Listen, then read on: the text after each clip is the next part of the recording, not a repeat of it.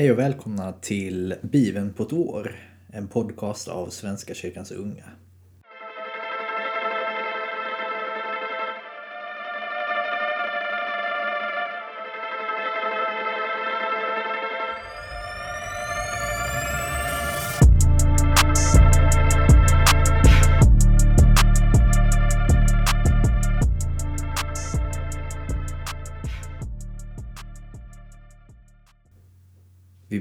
Tillsammans. Tack Gud för denna onsdag. Jag ber för denna dagen. Att du ska vara med oss, leda oss, bära oss. Var med i dagens läsning. I Jesu namn. Amen. Vi börjar med att läsa Andra Mosebok kapitel 2, vers 11 till kapitel 3, vers 22. När Mose hade blivit vuxen gick han en dag ut till sina landsmän och såg deras tunga arbete. Då fick han se hur en hebreisk man, en av hans egna landsmän, blev ihjälslagen av en egypter. Mose tittade sig omkring och då han inte såg någon slog han ihjäl egypten och gömde honom i sanden. När han gick ut nästa dag såg han två hebreer som slogs med varandra. Då sade han till angriparen Varför slår du din landsman? Mannen svarade Vem har satt dig till herre och domare över oss? Tänker du döda mig som du dödade Egypten? Mose blev rädd och tänkte Då har det alltså blivit känt. När farao fick höra vad Mose hade gjort ville han få honom dödad. Men Mose flydde undan farao och slog sig ner i midjaniternas land. Där höll han till vid en brunn. Prästen i Midjan hade sju döttrar. De kom och öste upp vatten och fyllde hoarna för att vattna fåren åt sin far. Men några herdar kom och körde bort dem. Då ingrep Mose och hjälpte dem och sedan vattnade han deras får. När de kom hem till sin far Reguel frågade han Varför är ni hemma så tidigt? De svarade En egypter hjälpte oss mot hedarna.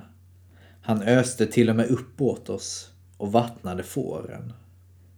Var är han nu? frågade fadern. Varför tog ni inte med honom? Säg till honom att han kommer och äter med oss. Och Mose beslöt sig för att stanna hos prästen. Han fick dennes dotter Sipora till hustru och hon födde en son. Mose gav honom namnet Gershom. Ty sade han, jag är en främling i detta land. Åren gick och kungen av Egypten dog och israeliterna suckade under sin träldom. De ropade i sin nöd och deras klagan steg upp till Gud. När Gud hörde deras jämmer tänkte han på sitt förbund med Abraham, Isak och Jakob och tog sig an israeliterna och gav sig till känna för dem. En gång när Mose vaktade fåren åt sin svärfar Jetro, prästen i Midjan, drev han dem till andra sidan öknen och kom till Guds berg, Horeb. Där visade Herrens ängel sig för honom i en eldslåga som slog upp ur en törnebuske. När Mose såg att busken stod i låga utan att brinna upp tänkte han vilken märklig syn. Jag måste gå dit för att se varför busken inte brinner upp. Då Herren såg att han gick för att se efter ropade Gud till honom ur törnebusken. Mose, Mose, han svarade Ja, här är jag. Herren sade Kom inte närmare.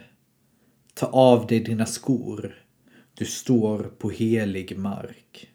Och han fortsatte Jag är din faders Gud, Abrahams Gud, Isaks Gud och Jakobs Gud. Då skylde Mose sitt ansikte. Han vågade inte se på Gud. Herren sade jag har sett hur mitt folk plågas i Egypten. Jag har hört deras klagorop över sina slavdrivare. Ja, jag vet vad de får lida. Därför har jag stigit ner för att befria dem från Egypterna och föra dem från Egypten till ett land som är rikt och vidsträckt och som flödar av mjölk och honung. Det land där det nu bor kananéer, hetiter, amorer, periseer, hiver och jevuser. Nu har israeliternas klagorop nått mig och jag har sett hur egypterna plågar och förtrycker dem. Så gå nu. Jag sänder dig till farao och du ska föra mitt folk israeliterna ut ur Egypten. Mose invände. Hur skulle en sådan som jag kunna gå till farao och föra israeliterna ut ur Egypten? Gud svarade. Jag ska vara med dig. Och detta är tecknet som ska visa att det är jag som har sänt dig. När du har fört folket ut ur Egypten ska ni hålla gudstjänst på detta berg. Då sade Mose till Gud. Om jag nu kommer till israeliterna och säger att deras fäders Gud har sänt mig till dem och de frågar efter hans namn. Vad ska jag då svara? Gud sade. Jag är den jag är. Säg dem att han som heter Jag är har sänt dig till dem. Och Gud fortsatte. Säg israeliterna att Herren, deras fäders Gud, Abrahams Gud, Isaks Gud och Jakobs Gud har sänt dig till dem. Detta ska vara mitt namn för all framtid. Med det namnet ska jag åkallas från släkte till släkte. Gå nu och kalla samman Israels äldste och tala om för dem att Herren, deras fäders Gud, Abrahams, Isaks och Jakobs Gud, har uppenbarat sig för dig. Säg dem att jag har gett akt på dem och vet vad som har drabbat dem i Egypten. Och att jag har beslutat att föra dem från förtrycket i Egypten upp till kananéernas, hetiternas, amorenas, perisenas, hivenas och jevusenas land. Ett land som flödar av mjölk och honung.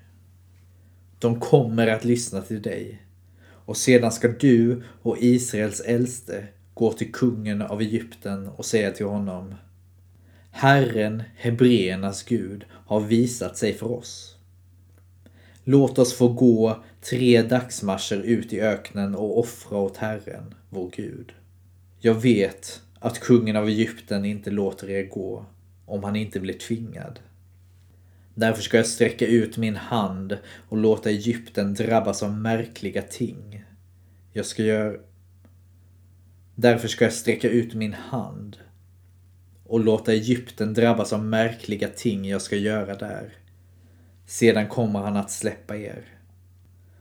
Och jag ska göra Egypterna så välvilligt stämda mot detta folk att ni inte ska behöva ge er väg tomhänta. Varje kvinna ska be sina grannfruar och kvinnorna i sitt hushåll om föremål av silver och guld och om kläder. Som ni ska låta era söner och döttrar bära. Så tar ni byte från Egypterna.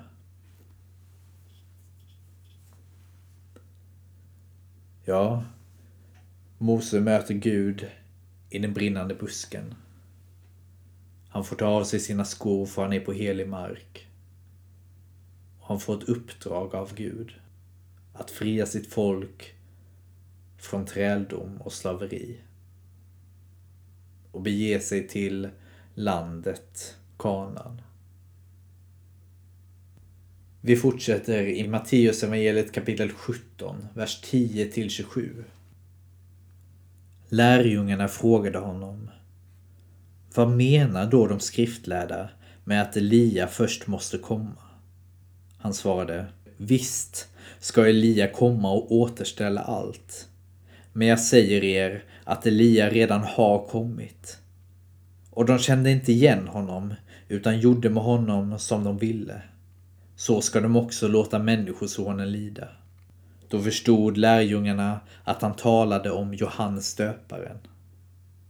När de var tillbaka bland folket kom en man fram och föll på knä för honom och sade Herre förbarma dig över min son. Han är fallande sjuk och plågas svårt. Ibland ramlar han i elden och ibland i vattnet. Jag tog honom till dina lärjungar och de kunde inte bota honom. Jesus svarade Detta fördärvade släkte som inte vill tro. Hur länge måste jag vara kvar hos er? Hur länge måste jag stå ut med er? För hit honom till mig. Jesus talade strängt till pojken och demonen for ut ur honom och från den stunden var han botad. När de var ensamma kom lärjungarna fram till Jesus och frågade Varför kunde inte vi driva ut demonen? Han svarade Därför att er tro var svag. Sannerligen, om ni har tro så stor som ett senapskorn kan ni säga till det här berget flytta dig dit bort och det kommer att flytta sig. Ingenting blir omöjligt för er. När de samlades igen i Galileen sade Jesus till dem Människosonen ska överlämnas i människors händer och de kommer att döda honom. Och på tredje dagen ska han uppstå. Då blev de mycket bedrövade. När de hade återvänt till Kafarnaum kom de som tog upp tempelskatten fram till Petrus och frågade Betalar inte er mästare någon tempelskatt? Jo, svarade han. När Petrus var hemma igen frågade Jesus innan han hunnit säga något. Vad tror du Simon? Av vilka kräver de jordiska kungarna tull och skatt? Av sina söner eller av andra? Då Petrus svarade av andra sade Jesus. Sönerna går alltså fria. Men för att ingen ska stöta sig på oss så gå ner till sjön och kasta ut en krok och dra upp första fisk som nappar. Öppna gapet på den så hittar du ett silvermynt. Ta det och lämna det för dig och mig. Ja, andra gången som Jesus berättar för sina lärjungar att han kommer dö och uppstå. Och det är fortfarande lika svårt för dem att greppa det. Lika svårt som det är för många av oss att greppa det fortfarande. Vi fortsätter i Saltaren. Psalm 22, vers 1 till 19. För körledaren. En psalm av David. Min Gud, min Gud. Varför har du övergivit mig? Jag ropar förtvivlat, men du är långt borta. Min Gud, jag ropar om dagen, men du svarar inte. Jag ropar om natten, men finner ingen ro. Dock är du den helige. Till din tron stiger Israels lovsång. På dig förtröstade våra fäder. De litade på dig och du kom dem till hjälp. De ropade till dig och blev räddade. De litade på dig och du svek dem aldrig. Men jag är en mask, inte en människa. Hånad och föraktad av en var. Alla som ser mig gör narr av mig. De hånler och skakar på huvudet. Han har överlämnat sig åt Herren. Nu får Herren gripa in och rädda honom. Han är ju älskad av Herren. Du hjälpte mig ut ur min moders liv. Du lät mig vila trygg vid min moders bröst. Från min födelsestund är mitt liv i din hand. Allt sedan jag blev till har du varit min Gud. Dröj inte långt borta. Jag är i nöd och ingen finns som hjälper mig. Tjurar skockar sig runt mig. Jag är kringränd av bestar från Bashan. De spärrar upp sina gap som rovlyssna rytande lejon. Jag rinner bort likt vatten som slås ut. Benen lossnar i min kropp. Mitt hjärta är som vax. Det smälter i mitt bröst. Min mun är torr som en lerskärva. Tungan klibbar sig i gommen. Du lägger mig i gravens mull. Hundar samlas runt mig. Jag omringas av en hord av våldsmän. Händer och fötter är skrumpnade. Jag kan räkna varje ben i min kropp. De står där och stirrar på mig. De delar mina plagg mellan sig. De kastar lott om mina kläder. Ja, det finns mycket man kan känna igen i den här salmen som David skrivit som också kan appliceras på Jesus på korset. Vi avslutar i Ordspråksbokens femte kapitel, vers 7 till 14. Hör därför på mig, mina barn, och följ alltid mina ord.